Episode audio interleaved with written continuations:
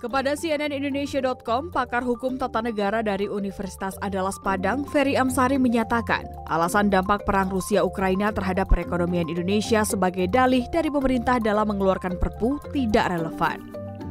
Ferry mengingatkan bahwa MK mengamanatkan perbaikan undang-undang dalam jangka waktu 2 tahun hingga 25 November 2023, bukan dengan penertiban perpu.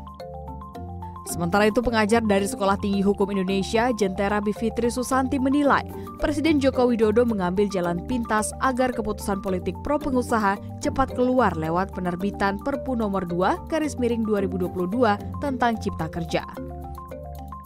Adapun Presiden Joko Widodo menyatakan keputusan menerbitkan Perpu karena ada ancaman ketidakpastian global di mana Indonesia sewaktu-waktu bisa terkena dampak dari ketidakpastian tersebut. Dengan adanya Perpu diharapkan dapat memberi kepastian hukum kepada para investor dalam dan luar negeri untuk berinvestasi di Indonesia.